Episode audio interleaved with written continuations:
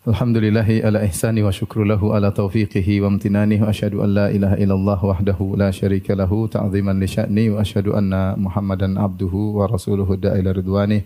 Allahumma salli alaihi wa ala alihi wa ashabihi wa ikhwani. Hadirin dan hadirat yang dirahmati oleh Allah Subhanahu wa taala. Pada kesempatan kali ini kita akan menyampaikan uh, nasihat yang saya tujukan kepada diri saya terutama dan juga kepada ikhwani dan akhwati, saudara-saudara dan saudara-saudari sekalian tentang bahwasanya hidup kita ini begitu sangat-sangat singkat.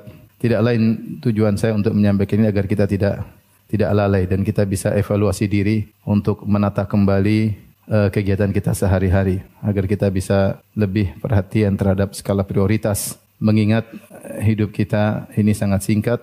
Namun yang singkat ini adalah penentu untuk kehidupan kita selanjutnya, baik di alam barzakh maupun di padang mahsyar ya. Dan sebagaimana Rasulullah SAW telah mewanti-wanti, beliau berkata, "A'maru ummati baina sittin ila sab'in wa aqallahum man yajuzu dzalik." Sungguhnya umur umatku antara 60 sampai 70 dan hanya sedikit yang melewati eh, uh, 70 tahun. Rata-rata orang-orang meninggal di usia uh, 60-an ya dan umur tersebut ya tentunya sangatlah singkat dibanding dengan perjalanan selanjutnya di alam barzah setelah kita dikuburkan. Entah berapa lama kita akan berada dalam alam tersebut. Entah ratusan tahun entah ribuan tahun menanti tegaknya hari kiamat. Kemudian kita akan dibangkitkan dan dikumpulkan di padang mahsyar. Fi yaumin kana miqdaruhu khamsina alfasanah yang di mana hari tersebut 50 ribu tahun lamanya dengan berbagai macam kejadian dan peristiwa mulai dari uh, dikumpulkan menanti kedatangan Allah kemudian hisab kemudian sidang di antara uh, manusia ada mizan ada zulmah ada sirat kemudian penghujung surga atau neraka fariqun fil jannah wa fariqun fis sa'ir. Sekelompok di surga dan sekelompok di neraka dan itulah fase yang berikutnya yang merupakan keabadian merupakan keabadian maka apatah umur yang 60 sampai 70 tahun ini jika dibandingkan dengan kehidupan di alam barzah yang ratusan atau ribuan tahun. Apakah nilai dari 60 sampai 70 tahun jika dibandingkan dengan padang mahsyar yang 50 ribu tahun? Dan apakah nilai 60 tahun atau 70 tahun jika dibandingkan dengan kehidupan yang selama-lamanya di penghujung apakah surga atau neraka?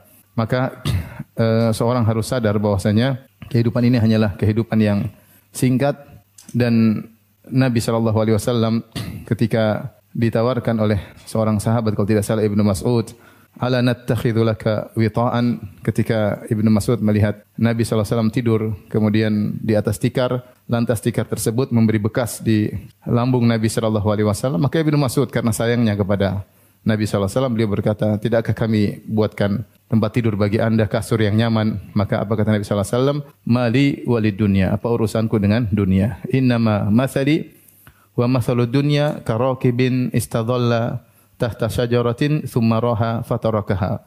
Apa urusanku dengan dunia? Ya. Sungguhnya perumpamaanku dengan perumpamaan dunia seperti seorang yang mengembara kemudian mampir sejenak di bawah sebuah pohon untuk istirahat kemudian pergi meninggalkan pohon tersebut ditinggalkan pohon tersebut. Nabi mengibaratkan bahwasanya kehidupan kita di dunia ibarat orang yang hanya mampir sebentar di bawah sebuah pohon, dia istirahat sebentar untuk melanjutkan perjalanan yang masih sangat-sangat jauh.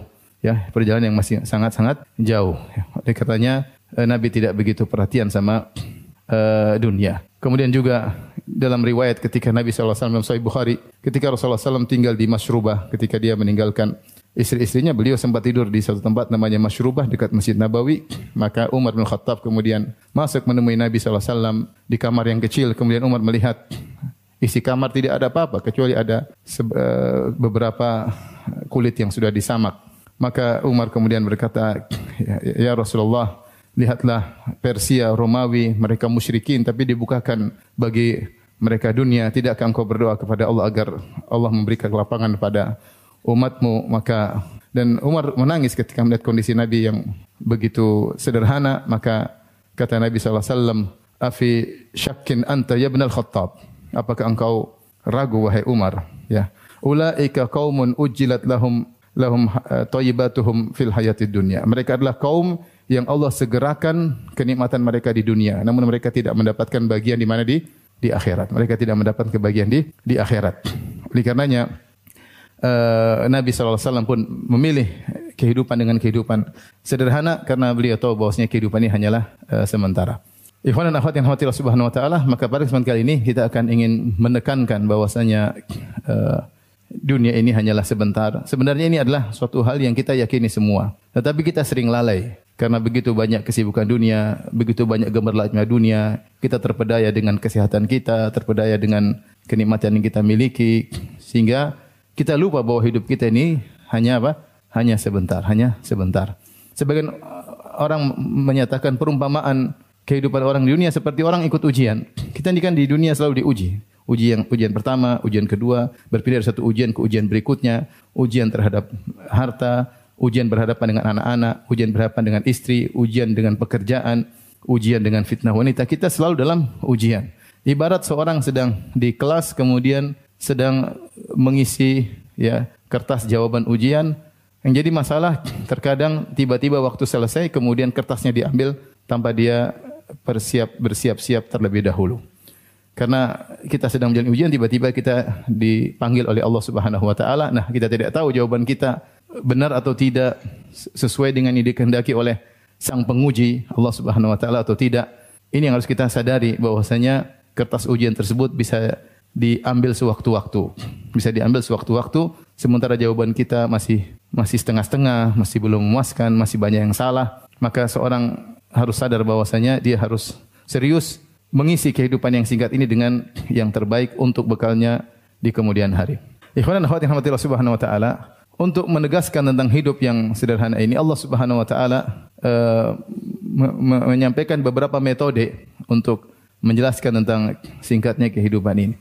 Di antaranya ya, di antaranya Allah Subhanahu wa taala uh, menamakan dunia dengan dunia ya. Jadi metode metode Al-Qur'an untuk menjelaskan singkatnya dunia. Kelihatan atau tidak? Kelihatan.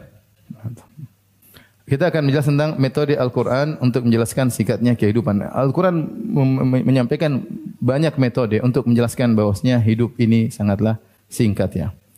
Di antaranya eh, Allah menamakan dunia dengan dunia. Dunia dinamakan dengan dunia ad-dunya. Ad-dunya dalam bahasa Arab sudah mengisyaratkan tentang sebentarnya kehidupan dunia tersebut. Karena dunia ada dua kemungkinan. Kemungkinan pertama diambil dari kata ad-dunu.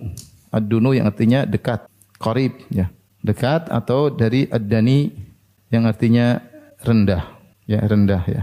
Uh, ketika Allah menamakan dunia dengan dunia, ini sudah mengisyaratkan bahwasanya dunia itu hanyalah sebentar, tidak lama. Uh, karena diambil dari kata ad-dunu, dekat ya. Karena seorang hidup di ini tidak tidak lama. Kemudian juga isyarat menunjukkan bahwasanya dunia ini adalah rendah jika dibandingkan dengan kehidupan akhirat ya. Sehingga uh, dengan kata dunia tersebut maka jelas uh, dunia adalah kehidupan yang sebentar ya. Kemudian juga di antaranya yang kedua ya, Allah menyebut dunia dengan mata, menyebutkan menyebut ya dunia dengan mata dan ini banyak dalam Al-Qur'an dengan mata al-mata. Mata adalah suatu yang digunakan syai'un yuntafa'u bihi thumma yantahi, yaitu sesuatu yang digunakan, dimanfaatkan lalu selesai, lalu selesai digunakan. Semua perkara seperti tempat tidur, seperti bantal, seperti makanan, minuman itu semua adalah mata, disebut dengan mata, ya. Barang yang dipakai kemudian selesai, ya. Ini isyarat bahwasanya kenikmatan dunia tidaklah abadi karena dinamakan dengan mata dan dalam Al-Qur'an banyak sekali Allah uh, mengatakan mengingatkan dunia hanyalah mata seperti saya bacakan dalam surat Ar-Ra'd kata Allah Subhanahu wa taala wa farihu bil hayatid dunya wa mal hayatud dunya fil akhirati illa mata mereka bangga dengan kehidupan dunia, mereka bangga dengan kekayaan yang mereka miliki, mereka bangga dengan jabatan yang mereka miliki, mereka bangga dengan kuasaan yang mereka miliki. Kata Allah, "Wa mal hayatud dunya fil akhirati illa mata'." Tidaklah kehidupan dunia dibandingkan akhirat kecuali seperti barang yang dipakai kemudian selesai. Hanyalah mata. Demikian juga uh, firman Allah Subhanahu wa taala tentang perkataan mukminu ali Firaun yang Allah sebutkan dalam surat Ghafir, dia berkata menasihati kaumnya, "Ya qaumi innama hadhil hayatud dunya mata' Wa innal akhirata hiya darul qarar. Wahai kaumku, sungguhnya kehidupan dunia ini hanyalah mata, yaitu kesenangan yang sementara. Artinya kalau kita bahasakan terjemahan yang bebas itu kesenangan yang sementara, yang sebentar. Kata mukmin Ali Fir'aun, "Ya qaumi innama hadhil hayatud dunya mata wa innal akhirata hiya darul qarar." Akhirata hiya darul qarar. Wahai kaumku, sungguhnya kehidupan dunia ini hanyalah mata, hanyalah kesenangan yang sementara. Wa innal akhirata hiya darul qarar dan sungguhnya kehidupan akhirat ialah tempat yang untuk menetap, bukan sementara. Qarar maksudnya tempat menetap. Akhirat adalah tempat yang menetap bukan bukan sementara. Di antara sabda Nabi SAW tentang mata, kata Nabi SAW, Ad-dunya mata'un wa khairu mata'id dunya apa? Eh, jomblo, enggak apalah di sini kan? Dunia mata, dunia itu adalah kesenangan yang sementara. Wa khairu mata'id dunya almar'atu salihah dan sebaik-baik kesenangan dunia adalah almar'atu salihah. Istri yang salihah. Istri yang salihah saja dinamakan dengan mata ya. Kenapa dia dia salihah menyenangkan tapi tidak akan selamanya. Mungkin dia meninggal atau kita meninggal lebih dahulu ya. Tetapi kesenangan yang tidak uh, selamanya. Uh, yang jadi masalah kesenangan ini yang sedikit ini ternyata menipu ya. Allah sebutkan bahwasanya kehidupan dunia mataul gurur ya. Allah sebutkan dia sudah bersifat sementara namun dia sifatnya mataul gurur yaitu kesenangan sementara yang menipu. Kesenangan sementara yang menipu. Kata Allah Subhanahu wa taala, "Kullu nafsin dha'iqatul maut." Ya. Wa innama tuwaffawna ujurakum yaumal qiyamah. Faman zuhziha 'anil nar wa udkhilal jannata faqad faz wa mal hayatud dunya illa mataul ghurur.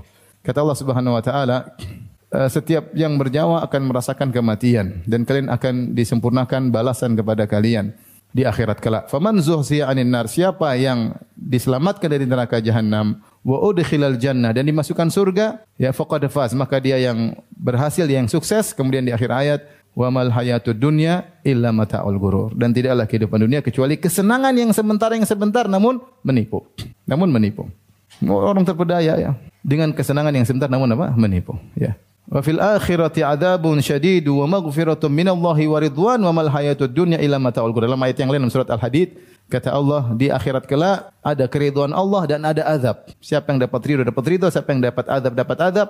Kata Allah, "Wa mal hayatud dunya illa mataul ghurur." Tidaklah kehidupan dunia kecuali hanyalah kesenangan sebentar yang eh, menipu. Allah mengatakan mataun qalil dalam ayat yang lain. Mataun qalil. Ya, kesenangan yang sebentar, sedikit. Kesenangan yang sedikit. Sudah sebentar dia pun sedikit. Itulah dunia. Jadi Allah menamakan dunia dengan mata sudah menjelaskan bahwasanya dunia itu hanyalah apa? Se sebentar dan singkat. Ini metode kedua. Kita lanjutkan metode ketiga. Allah Subhanahu wa taala uh, ketika menjelaskan tentang dunia ini singkat yaitu Allah menyebut dunia dengan zahrah. Allah menamakan dengan zahrah.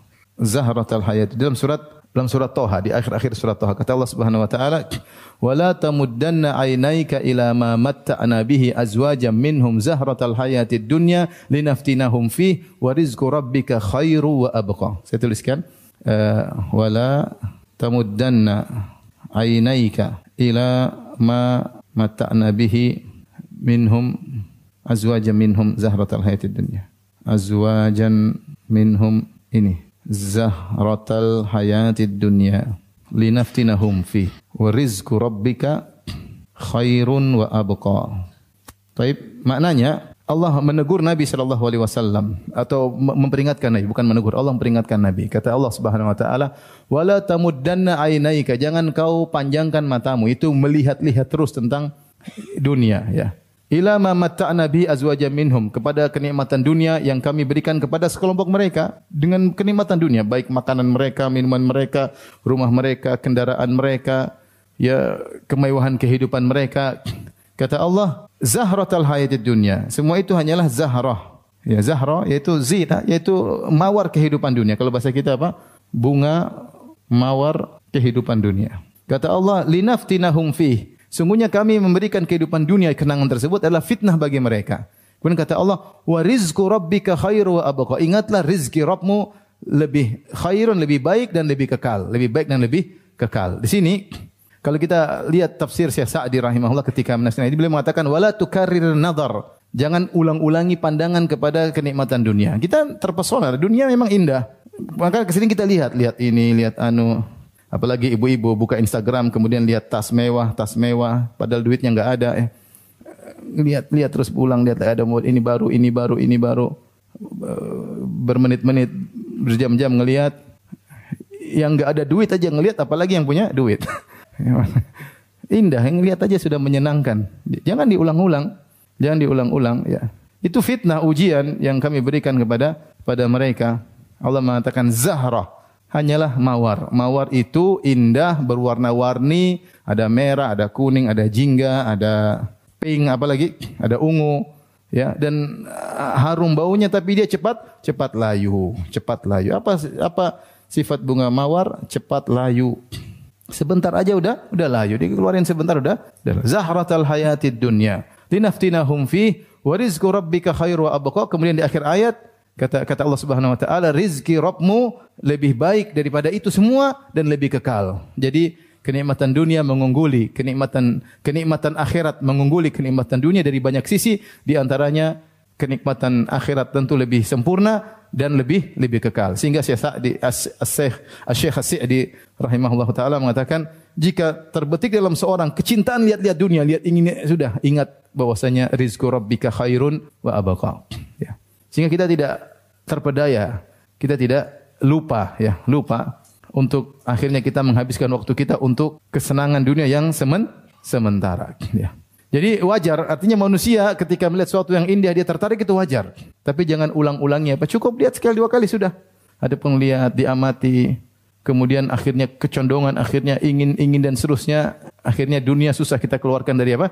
Dari hati. Padahal ini semua hanyalah zahrah, indah tapi cepat cepat layu. Ini di antara metode Allah Subhanahu wa taala untuk menjelaskan bahwasanya dunia ini hanyalah sementara. Taib sudah, saya mau lanjutkan. Sudah dicatat. Hmm? Catat di hati, nggak apa-apa, nggak usah dicatat sini. Catat di mana? Di hati. Baik, selanjutnya metode. Di antaranya yang keempat, Allah memberi perumpamaan ya. Atau nanti ini terakhir. Allah menamakan menamakan kehidupan dunia dengan permainan dan senda gurau. Dalam surat Al-Ankabut di akhir surat Al-Ankabut kata Allah Subhanahu wa taala kalau tidak saya ayat, ayat 63 kata Allah Subhanahu wa taala wa ma hadhil hayatud dunya illa lahu wa la'ib wa inna ad-daral akhirata lahiyal hayawan law kanu ya'lamun wa ma hadhil hayatud dunya illa lahwun wa la'ib wa inna ad-daral akhirah lahiyal hayawan law kanu ya'lamun surat Al-Ankabut ya Allah mengatakan permainan hidup ini hanyalah permainan senda gurau. Kata Allah Subhanahu wa taala, tidaklah kehidupan dunia kecuali lahwun wa laib. Hanyalah permainan senda gurau. Kata uh, kata Al-Qurtubi rahimahullah, laib maksudnya laisa lahu haqiqah wala sabat. Laisa laha haqiqah wala sabat, ya. Hanya permainan, ya. Tidak ada hakikatnya dan tidak menetap dan tidak menetap wala sabat, ya. Oleh karenanya, namanya kita bermain-main. Main sebentar enggak? Kita main sebentar. Kita akan selesai. Kita di dunia ini banyak sekali permainan. Enggak ada kita main seharian penuh, enggak ada. Kita pasti main terus apa? Berhenti. Mau main bola, mau main pingpong, mau main tenis, mau main apa game, mau main yang haram, mau main yang halal. Kita main-main kemudian apa? Selesai. Menang dalam permainan ada kesenangan, tapi permainan. Setelah itu selesai permainan tersebut kita masuk dalam keseriusan. Nah, dunia seperti itu. Dia hanyalah permainan. Begitu cepat selesai permainan tersebut. Tiba-tiba kita sudah masuk dalam keseriusan. Ketika nyawa kita dicabut sudah nggak ada permainan lagi. Kalau menamakan dunia itu dengan permainan agar kita tahu bahwasanya permainan tersebut tidak ada hakikat, hanya main-main, hanya main-main, hanya senda gurau. Dalam ayat yang lain dalam surat Al-Hadid, Allah Subhanahu wa taala berfirman, "I'lamu ketahuilah." Allah suruh kita untuk mengilmui hal ini.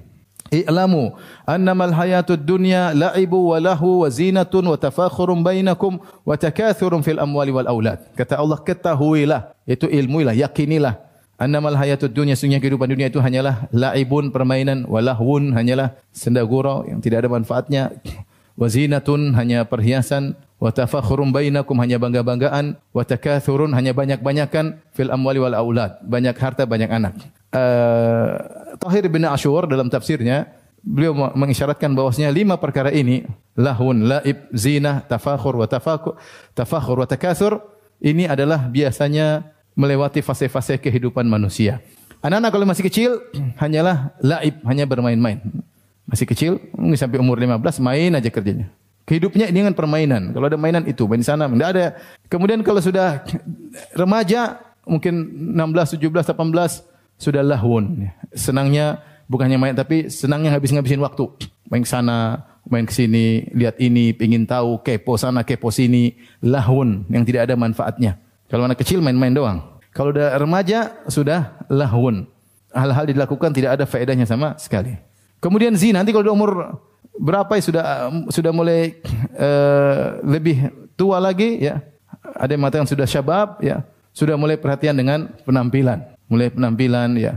Zina entah uh, wanita ini ini penampilan ini penampilan anu. Dia bukan hanya penampilan di hadapan laki dia juga penampilan di hadapan wanita-wanita yang lain.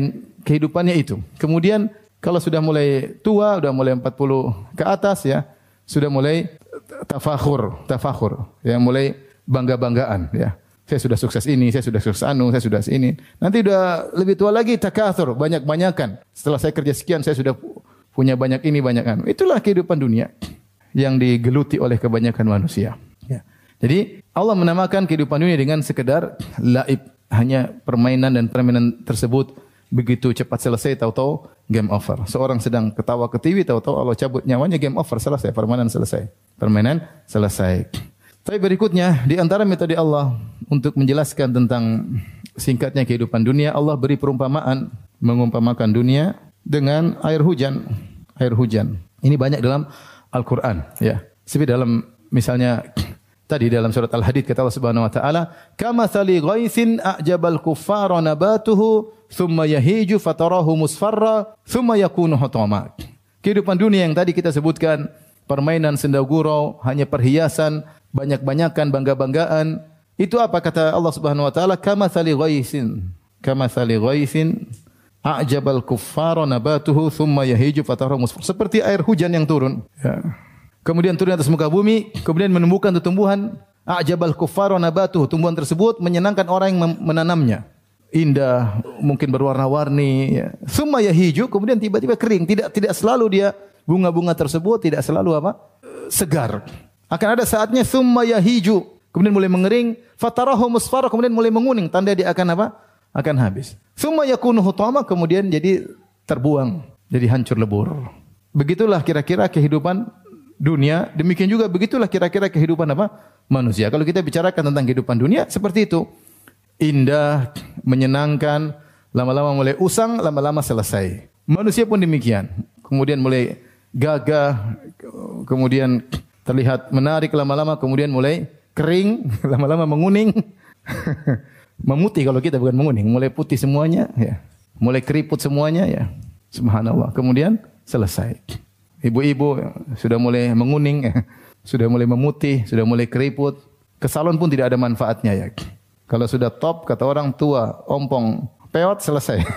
mau ke mau ke mau pakai spidol, mau pakai apa tidak akan apa? merubah hakikat. Hanya sebentar aja. Hanya tipuan olesan-olesan kalau tetap kering, sudah waktunya mengering apa? Semua yahiju fatarahu musfarra, semua yakun hutam. Selesai. Selesai kehidupan dunianya.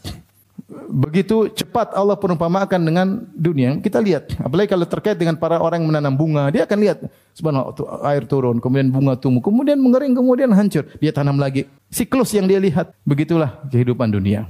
Dalam ayat yang lain kata Allah Subhanahu wa taala dalam surat Al-Kahfi kata Allah Subhanahu wa taala, "Wadrib lahum mathalal hayatid dunya kama'in anzalnahu minas sama'i fakhtalata bihi nabatul ardi fa asbaha hashiman tadruhu riyah." Wa kana Allah ala kulli syai'in muqtadira. Kata Allah Subhanahu wa taala, berilah perumpamaan kepada mereka tentang kehidupan dunia. Ini seperti apa?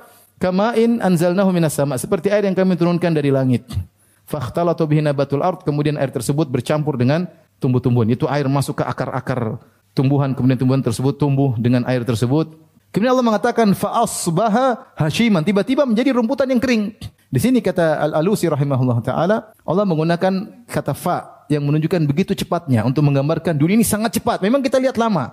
Prosesnya lama dari dari seger menjadi kering. Tapi sebenarnya dia sangat cepat. Kamu jangan terpedaya. Ini waktu yang sangat cepat dibandingkan dengan kehidupan selanjutnya, dengan alam barzah, dengan padang mahsyar, dengan akhirat. Maka Allah menggunakan kata fa, fa Faqtalatu bi nabatul ardi fa asbaha fa asbaha hashiman tadruhu riyah.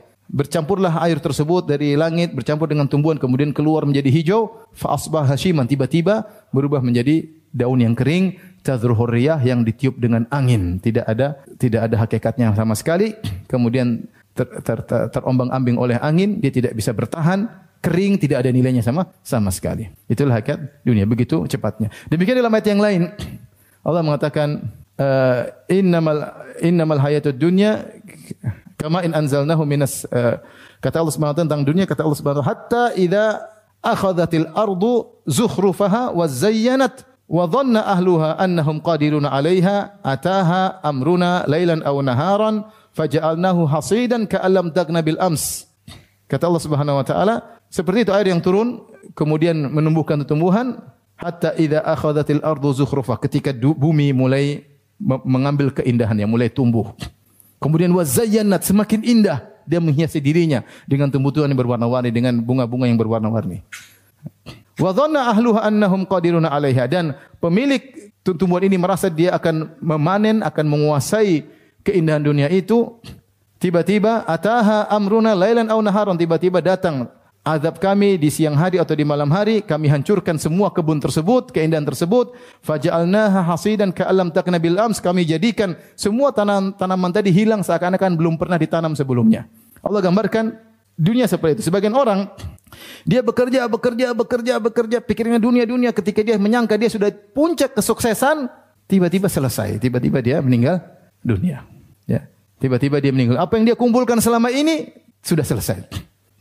Dan banyak seperti itu ya. Begitu cepat dia sudah kumpulkan puluhan tahun dia kumpulkan dunia tersebut dia hiasi dunianya, dia penuhi uh, eh, ATM-nya semuanya sudah. Rumahnya dia mewah-mewahkan semewahnya. Tahu-tahu selesai. Kalau tidak ingat akhirat, hanyalah kerugian yang dia tinggalkan, hanya memperpanjang hisapnya pada hari hari kiamat kelak. Jadi Allah mengumpamakan dunia ini dengan apa? Air hujan yang menumbuhkan tumbuhan yang indah dilihat, tapi cepat apalah? Layu. Cepat kering, kemudian selesai. Tapi di antara metode Allah dalam menjelaskan tentang singkatnya dunia, uh, Allah menyebutkan bagaimana penyesalan orang-orang kafir ketika di uh, akhirat kelak ya, atau ketika dibangkitkan. Penyesalan orang-orang ketika di akhirat. Mereka sadar ternyata dunia cuma sebentar. Mereka baru sadar. Di antaranya Allah sebutkan misalnya Allah berfirman, "Yas'alunaka 'anis sa'ati ayyana mursaha fima anta dzikraha ila rabbika muntahaha innama anta munziru man yakhshaha ka'annahum yawma yarawnaha lam yalbathu illa 'ashiyatan aw duhaha." Kata Allah Subhanahu wa taala, ketika mereka melihat ketika mereka menyaksikan hari kiamat seakan-akan seakan-akan mereka tidak tinggal di dunia kecuali illa asyiyatan aw duha kecuali hanya sore atau di waktu duha atau duha. Ini di akhir surat apa? An-Nazi'at. Ya. Nanti ketika tiba hari kiamat, kemudian terjadi kedahsyatan yang luar biasa, baru mereka sadar ternyata kayak di dunia di, di, dunia ini kita tinggal cuma asyiyatan au duha. Cuma sekedar sore kemudian selesai. Atau waktu duha kemudian selesai. Bukan seharian enggak, tapi cuma sore atau duha. Dibandingkan dengan kedahsyatan yang mereka lihat, mereka sadar ternyata di hadapan kehidupan yang sangat panjang mereka baru sadar bahwasanya kehidupan selama di dunia 60 tahun, 70 tahun, kalau panjang umur 100 tahun, ternyata cuma seperti sebentar sore atau duha. Ini sadarnya tapi terlambat. Sadarnya ketika sudah hari kiamat. Ini di akhir surat An-Nazi'at. Kemudian uh, dalam ayat yang lain di akhir-akhir surat akhir surat Al-Mu'minun kata Allah Subhanahu wa taala Qala kam labithtum fil ardi adada sinin. Para ahli tafsir mengatakan Allah bertanya kepada orang-orang yang sedang disiksa dengan neraka. Qala kam labithum fil ardi ada di sini. Mereka sedang disiksa Allah tanya. Dulu berapa lama sih kalian tinggal di dunia? Sementara mereka sedang disiksa. Qalu labithna yauman aw ba'dha yaum. Kata mereka kami tinggal di dunia di dunia cuma sehari atau cuma setengah setengah hari. Hmm. Fas'alil adin, tanyalah kepada orang yang menghitung dengan baik, ya. Qala illa bithtum illa qalila. Kalian tinggal di dunia cuma apa? Sebentar. Jadi mereka baru sadar Ketika mereka sedang disiksa di neraka dengan siksaan yang dahsyat, mereka tahu ternyata mereka di dunia dulu cuma seben, sebentar. Ya, mereka mengatakan, "Qalu labithna yauman au ba'dha yaumin." Hanya sebentar. Kami di dunia hanya sehari atau setengah hari. Ternyata tapi sadarnya percuma sudah di hari akhir. Mereka sadar bahwasanya dunia ini cumalah sebentar namun tidak ada manfaat sadarnya mereka tersebut. Ini semua ikhwan dan akhwat. Tentunya ada metode-metode yang cuma saya belum sempat menggali. Ya, ini yang sempat terbetik dalam benak saya tentang metode-metode Al-Quran ketika menjelaskan bahwasanya dunia ini hanyalah sebentar dan begitu begitu singkat. Dan ini semua telah ditegaskan juga oleh Nabi Shallallahu Alaihi Wasallam di mana tadi Nabi menggambarkan bahwasanya kehidupan dunia seperti orang hanya singgah sebentar di bawah sebuah pohon kemudian melanjutkan perjalanan. Apatah hidup kita di dunia kecuali kita berpindah dari fase sebelumnya. Sebelumnya kita di fase janin, kemudian kita keluar, kita menikmati kehidupan ini, kemudian kita akan melanjutkan fase berikutnya. Teman-teman kita semua sudah berlanjut pada perjalanan selanjutnya, kita masih belum. Kita masih belum. Namun ingat, keberadaan kita di sini hanyalah hanyalah sebentar. Baik, jika kita menyadari ini semua, bahwa hidup kita hanya sebentar. Apa yang harus kita lakukan? Ini poin yang yang yang, yang tujuan saya menyampaikan pengajian ini. Apa yang harus kita lakukan jika kita sadar ternyata hidup kita cuma apa? Sebentar. Kalau nggak sadar ya sudah merasa hidup selama-lamanya ya. Sebagaimana Allah sebutkan orang-orang kafir yang terpedaya ketika mereka memiliki harta yang banyak mereka menyangka hidup mereka panjang ya ya. Alladzi jama'a mala wa addadah yahsabu anna malahu akhladah kalla yang mereka mengumpulkan harta dan menghitung-hitungnya mereka menyangka harta yang mereka kumpulkan tersebut bisa mengkekalkan mereka. Kalla sekali-sekali tidak. Kita punya harta banyak, harta sedikit tidak merubah ajal kita. Kita punya rumah banyak tidak akan menambah umur kita meskipun satu detik. Waktunya game over selesai. Waktunya kertas ujian ditarik selesai. Ya. Oleh karena jangan sampai kita terpedaya dengan harta yang kita miliki, dengan kesehatan yang kita miliki. Mentang-mentang kita setiap hari olahraga teratur, kita menyangka umur kita lebih apa? lebih panjang. Tidak. Ya. Kalau sudah waktu ajal, bagaimanapun kondisi, Allah cabut maka tidak ada yang bisa menghalangi. Taib. Uh, lihatlah bagaimana malaikat maut datang kepada sebagian para nabi dalam kondisi mereka sedang sehat walafiat. Seperti malaikat maut datang kepada Nabi Adam. Bukan Nabi Adam sedang sakit-sakitan, tidak. Waktunya meninggal. Ketika malaikat maut datang ke Nabi Musa sampai Nabi Musa hantam siapa? Malaikat. Dia tidak tahu waktu-waktunya apa? Meninggal. Ketika malaikat maut datang kepada Nabi Daud, sampai Nabi Daud datang ke rumah Nabi Daud, Nabi Daud mengatakan, "Siapa engkau?" Nabi Daud bukan sedang sakit, sedang gagah perkasa, sedang kuat. Maka kata malaikat maut tersebut, "Ana alladzi la yamta la yamtani minni uh, apa uh, aku adalah orang tidak ada yang bisa terhalangi dariku siapa pun dan tidak ada pengawal yang bisa mencegahku." Kata malaikat kata Nabi Daud alaihissalam, "Idzan anta malakul maut." Kalau gitu engkau malaikat maut. Dan banyak orang tiba-tiba meninggal di puncak-puncak lagi apa? Sehatnya. Nanti kalau udah meninggal dibilang kena serangan jantung. Memang jantungnya berhenti kalau udah mati. Dicek sebelumnya nggak ada, nggak ada namanya. Banyak orang begitu kan. Tidak ada kolesterol, tidak ada tekanan darah tinggi. Waktunya meninggal meninggal. Kalau meninggal kena serangan apa? Jantungnya memang malaikat cabut nyawanya, jantungnya berhenti. Diserang ketika dicabut oleh apa? Malaikat. Artinya tidak ada sebab-sebab sebelumnya. Saya katakan tadi, sebagai nabi dicabut nyawanya dalam kondisi lagi apa? Sehat. Ada yang dikasih sebab-sebab, ada yang dalam kondisi sehat dicabut nyawanya. Baik, apa yang harus kita lakukan jika kita sadar bahwasanya kehidupan kita cuma sebentar dan bisa selesai sewaktu-waktu. Bisa selesai sewaktu-waktu. Jika tahu hidup sebentar, maka seharusnya seharusnya atau sejogjanya yang pertama menghargai umur, menghargai waktu atau umur. Nah, kalau tahu kita umur kita sebentar, jangan kita buang-buang umur umur kita. Jangan habiskan waktu untuk lihat medsos ya. Yang bukan urusan kita tidak usah kita lihat ya. Ibarat antum kalau lagi diuji, antum lagi di kelas lagi diuji enggak misalnya. Jangan sibuk dengan jawaban orang. jawab antum sibuk aja sendiri. Jangan sibuk dengan kertas orang orang lain. Antum jawab enggak benar enggak Ya. Hidup cuma apa? Sebentar. Maka jangan sibuk dengan terlalu sibuk urusan orang lain dan hargai umur. Tidak ada yang menghargai umur kecuali orang beriman. Kalau ada orang tidak menghargai umur, dia tidak beriman. Dia tidak tahu bagaimana mengoptimalkan usia yang sedikit yang Allah berikan kepada pada dia ya. Kita ingin umur kita apa ber berkah ya. Sedikit berkah apalagi kalau kalau banyak ya. Apalagi kalau kalau banyak.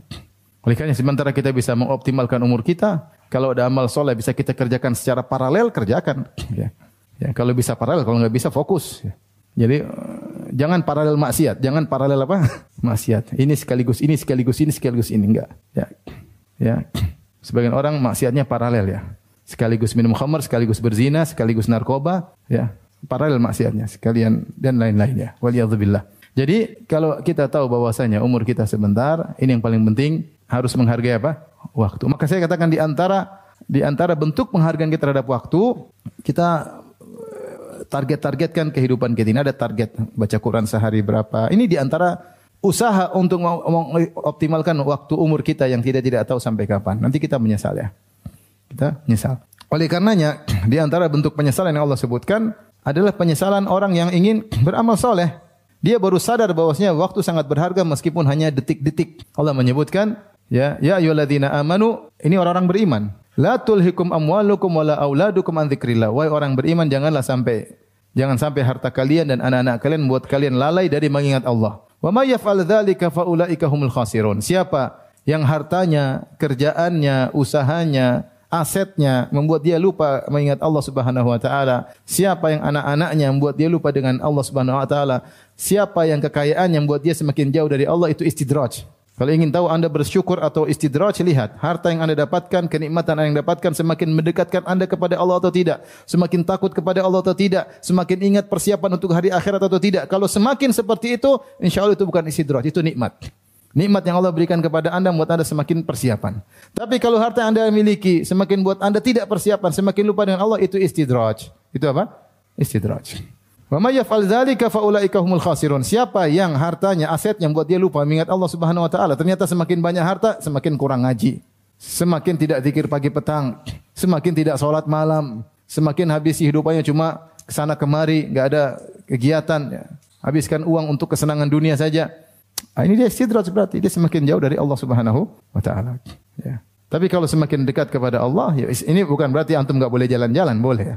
Boleh jalan-jalan depan Duku Bima, beli gorengan boleh.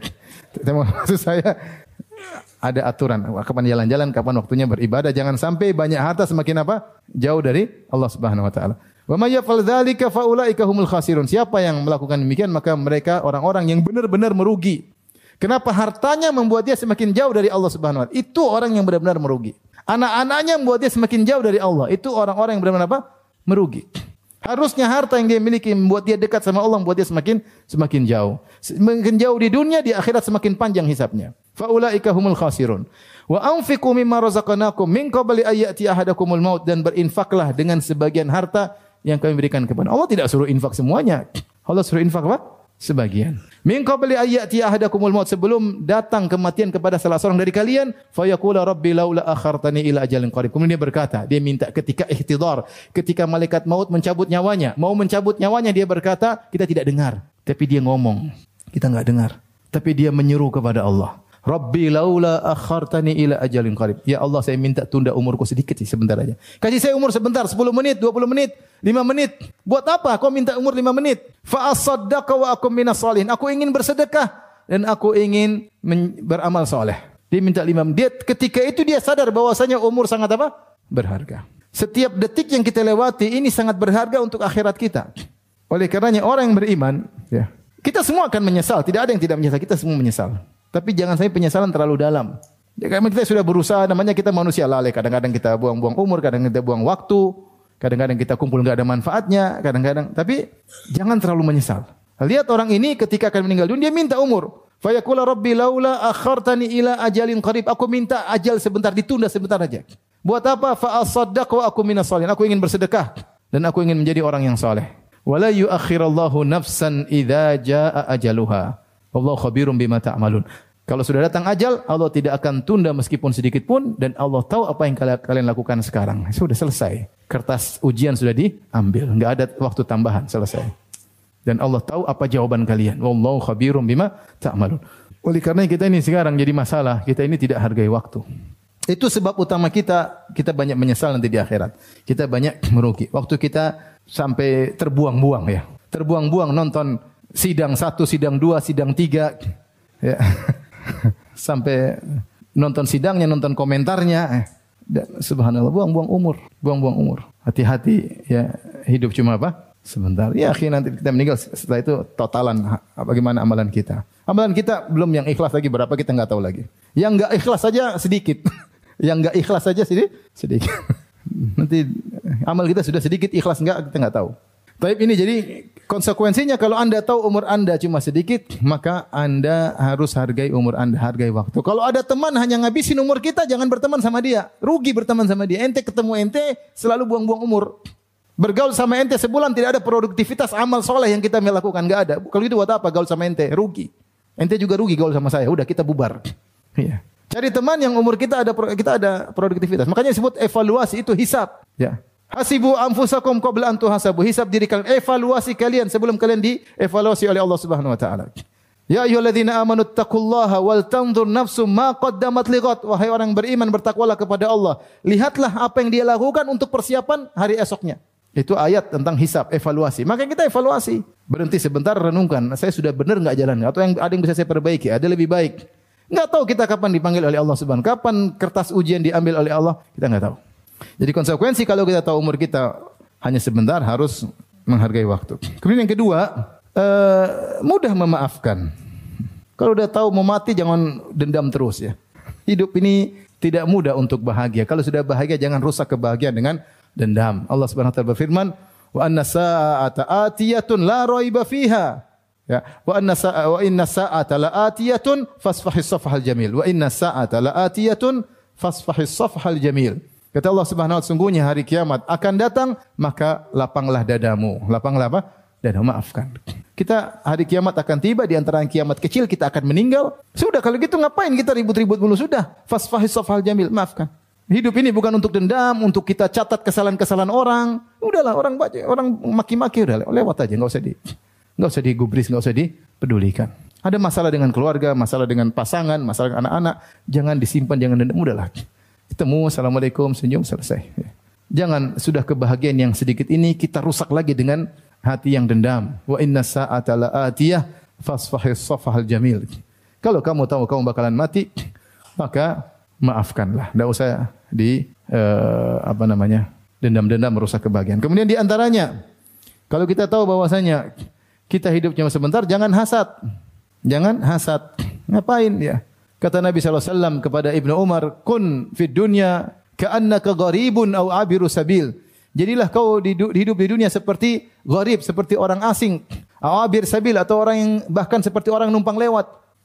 Kalau tingkatan pertama, au di situ ada yang mengatakan bal ya. Ada yang pertama mengatakan kun fid dunya ka'annaka gharibu. Jadi kau ini seperti orang asing. Orang asing gambarannya begini, seperti seorang kerja di luar negeri. Dia tahu kerja dia cuma setahun, maka dia dia kerja dengan serius. Kalau dia dapat uang dia kirim ke kampung. Yang dia pedulikan di kampungnya karena dia tahu dia akan meninggalkan tempat kerjanya tersebut. Dia harus bangun rumah besar-besar di kampung, menyenangkan istri, menyenangkan anak, menyenangkan orang tua. Dia tidak peduli di luar negeri sana, tidak peduli dengan orang rumah mewah, dia dia nggak hasad karena dia tahu dia akan tinggalkan tempat ini. Beda kalau dia tahu dia bakalan lama tinggal di situ, maka dia bikin rumah mewah di situ. Karena itu tempat tinggal dia. Tapi dia tahu di sini cuma tempat kerja, tempat menabur benih, hasilnya semua di di kampungnya. Nah, Nabi meng mengisyaratkan, jadilah engkau seperti orang asing. Orang asing apa? Dia sibuk dengan tugasnya, dia akan pulang kampung. Dia tidak terlalu banyak berinteraksi, dia tidak terlalu banyak sibuk dengan urusan urusan tidak karena dia cuma sebentar dan dia akan segera kembali. Nah, kita kalau di dunia seperti itu, kita yang penting amal soleh, orang punya rumah kaya, rumah ini udahlah. Ini cuma apa? Sebentar. Makanya Nabi SAW ketika melihat suatu yang menyedihkan, kata Syekh Utsaimin demikian dalam suatu riwayat, riwayatnya lemah, kalau melihat suatu yang menakjubkan, Rasulullah juga mengatakan, labbaik Allahumma la aisha illa aishul akhirah. Ya Allah, tidak ada kehidupan yang sungguhnya kecuali kehidupan apa? Akhirat. Kalau antum pulang ke rumah, ternyata antum rumah miskin, susah, antum bilang sama istri, wahai istriku, tidak ada kehidupan yang sungguhnya kecuali kehidupan apa? Akhirat. Ini cuma sebentar. Sebentar. Kehidupan akhir, sungguhnya di akhirat. Dan ini benar ya akhi. Antum sekarang, antum taruh antum naik mobil mewah, antum lihat orang naik sepeda. Di dunia jauh sekali level antum sama dia. Dia naik sepeda, ente naik mobil mewah. Di akhirat belum tentu. Di akhirat belum tentu. Di akhirat ente naik sepeda dia naik mobil. Bisa kebalik, kita nggak tahu. Kita kan cuma barometer dunia.